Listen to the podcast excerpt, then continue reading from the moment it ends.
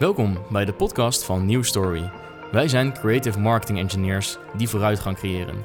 Samen met onze partners werken onze multidisciplinaire teams elke dag aan het volgende hoofdstuk van een digitale evolutie.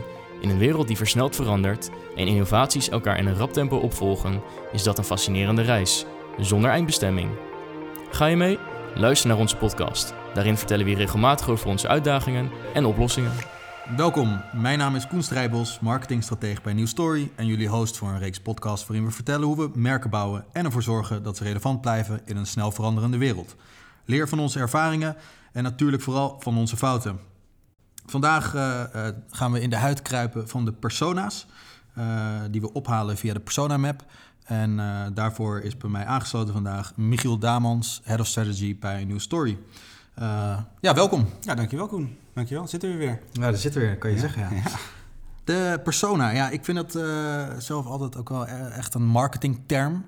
het jargon wat we liever niet gebruiken eigenlijk. Ja. zou je hem even kort anders kunnen omschrijven? Ik, de, ik, denk dat je kan zeggen doelgroepbeschrijving of doelgroepprofiel. Ik denk dat dat het meest logisch is. Alright, dan gaan we vanuit de doelgroepomschrijving slash profiel door naar ja, eigenlijk de belangrijkste vraag. Waarom maken we gebruik van persona's? Ja, nou, goede vraag. Wat, wat is het belang?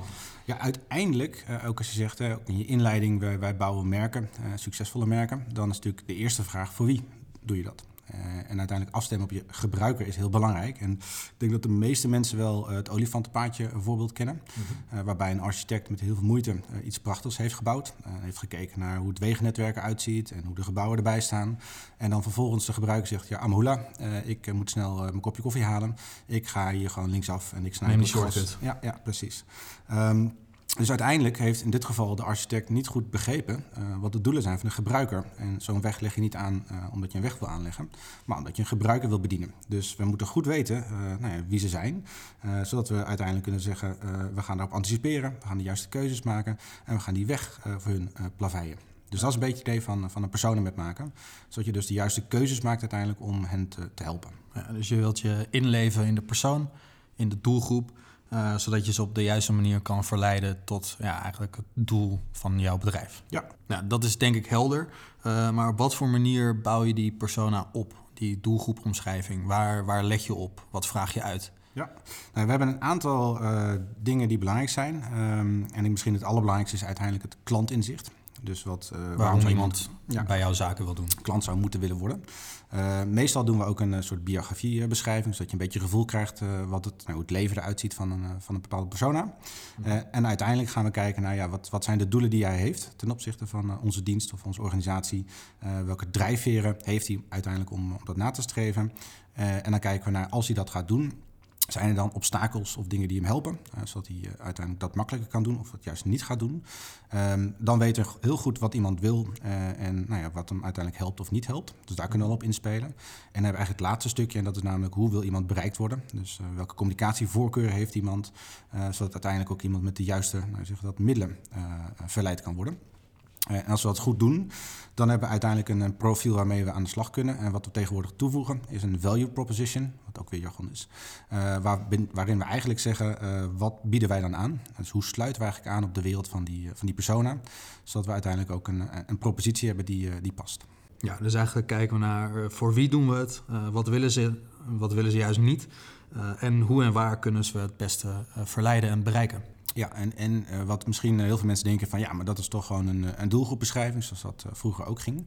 Um, en eigenlijk is de, het grootste verschil, zoals ik het zelf altijd uitleg, is dat je met een persona-profiel eigenlijk een soort neutrale nou, klankbord hebt. Uh, waarmee je dus uh, een vraag die je hebt van moeten we een marketingactie op een bepaalde manier invullen of moeten we een service doorontwikkelen, elke keer tegen die persona kan aanhouden. Dus het is niet marketingcampagne specifiek beschreven, maar wat generieker. Dus een persona in het algemeen heeft in het algemeen behoeftes waar je op kunt inspelen. Dus je kunt elke die persona eenmaal gemaakt erbij pakken en zeggen oké, we hebben een idee, we moeten voor service moeten we iets toevoegen.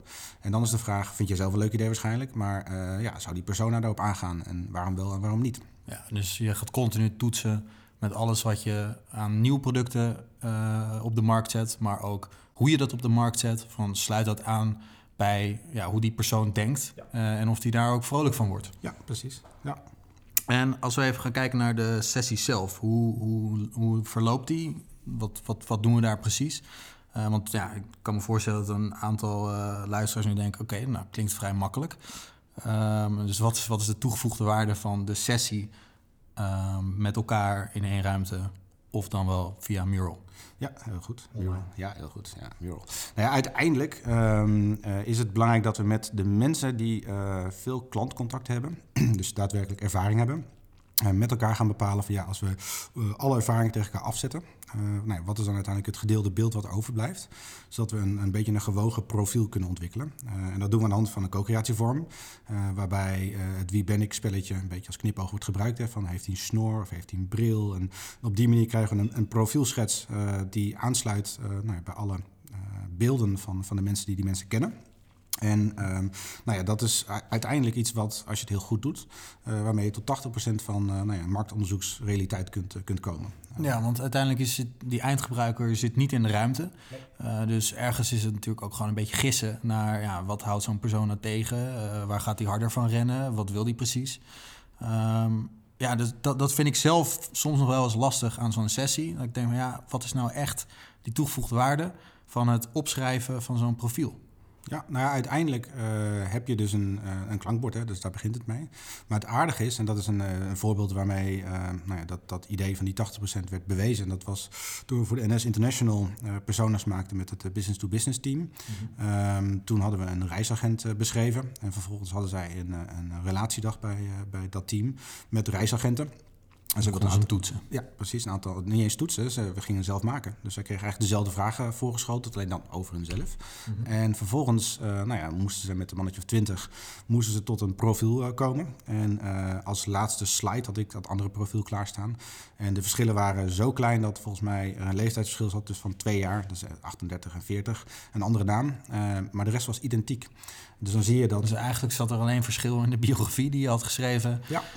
Van hoe oud is deze persoon ongeveer? Waar woont hij? Wat voor auto rijdt hij? Ja. Nou, dat zijn misschien ook niet natuurlijk de allerbelangrijkste dingen van zo'n persona. Ja. Maar de klantinzichten, de doelen, de drijfveren, de blokkades. Eén op één. Dat kwam allemaal één op één.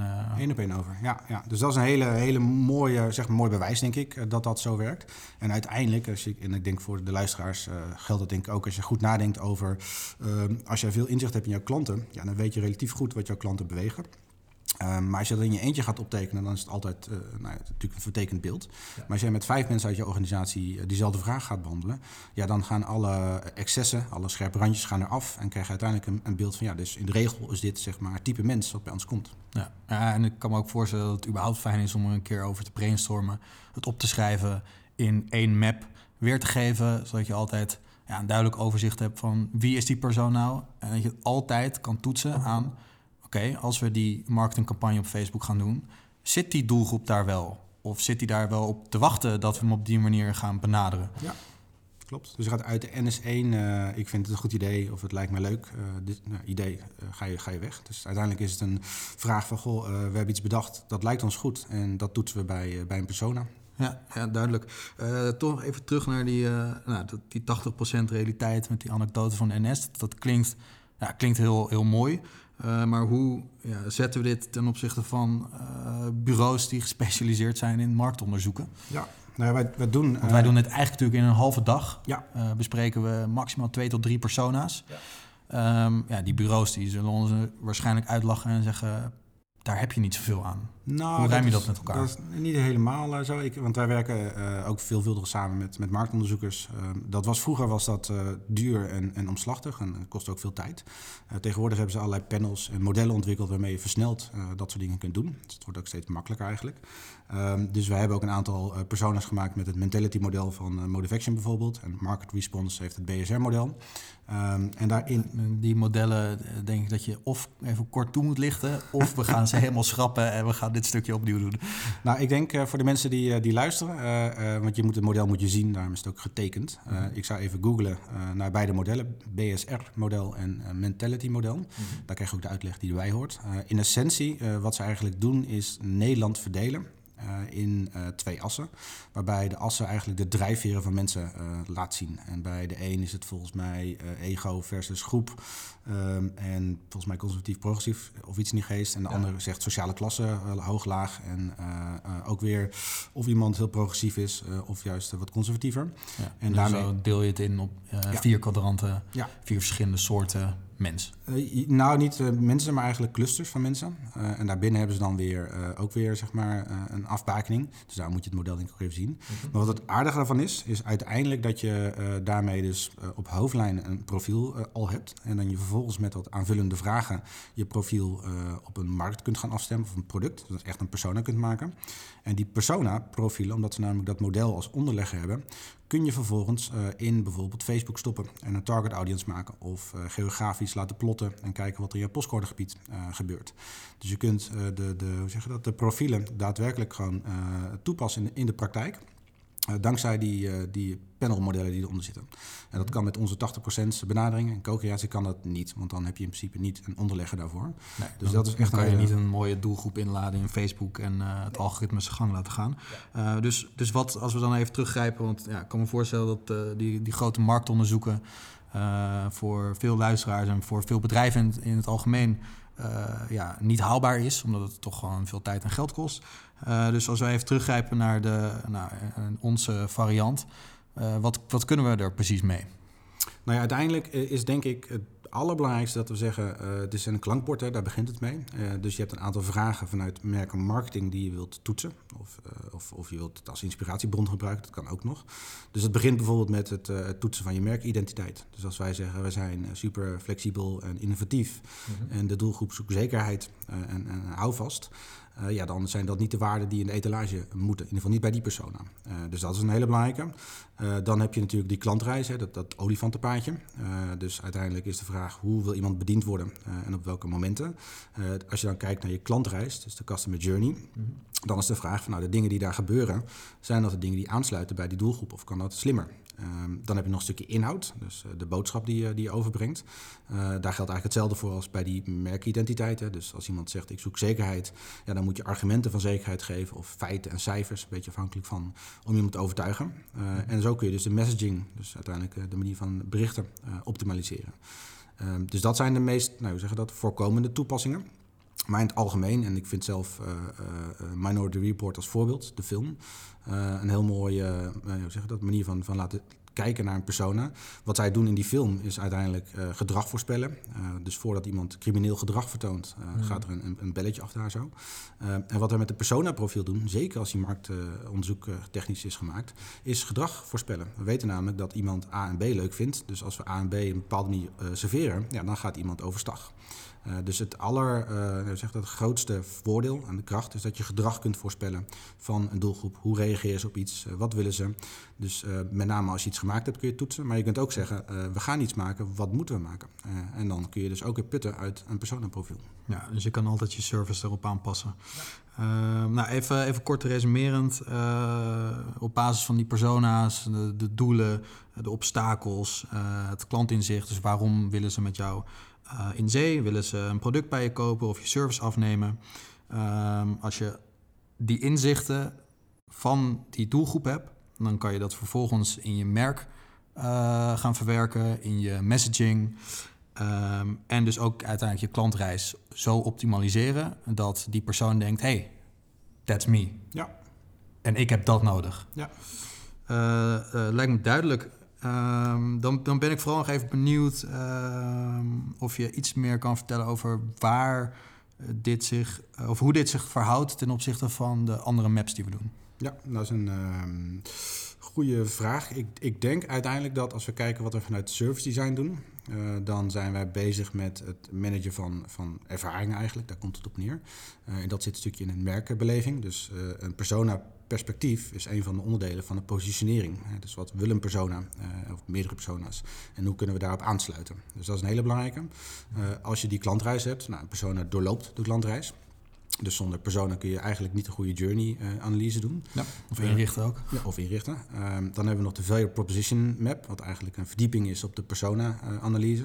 en dan gaan we echt kijken naar wat wij bieden ten opzichte van een persona-behoefte. dus ga je inhoudelijk propositie technisch kijken.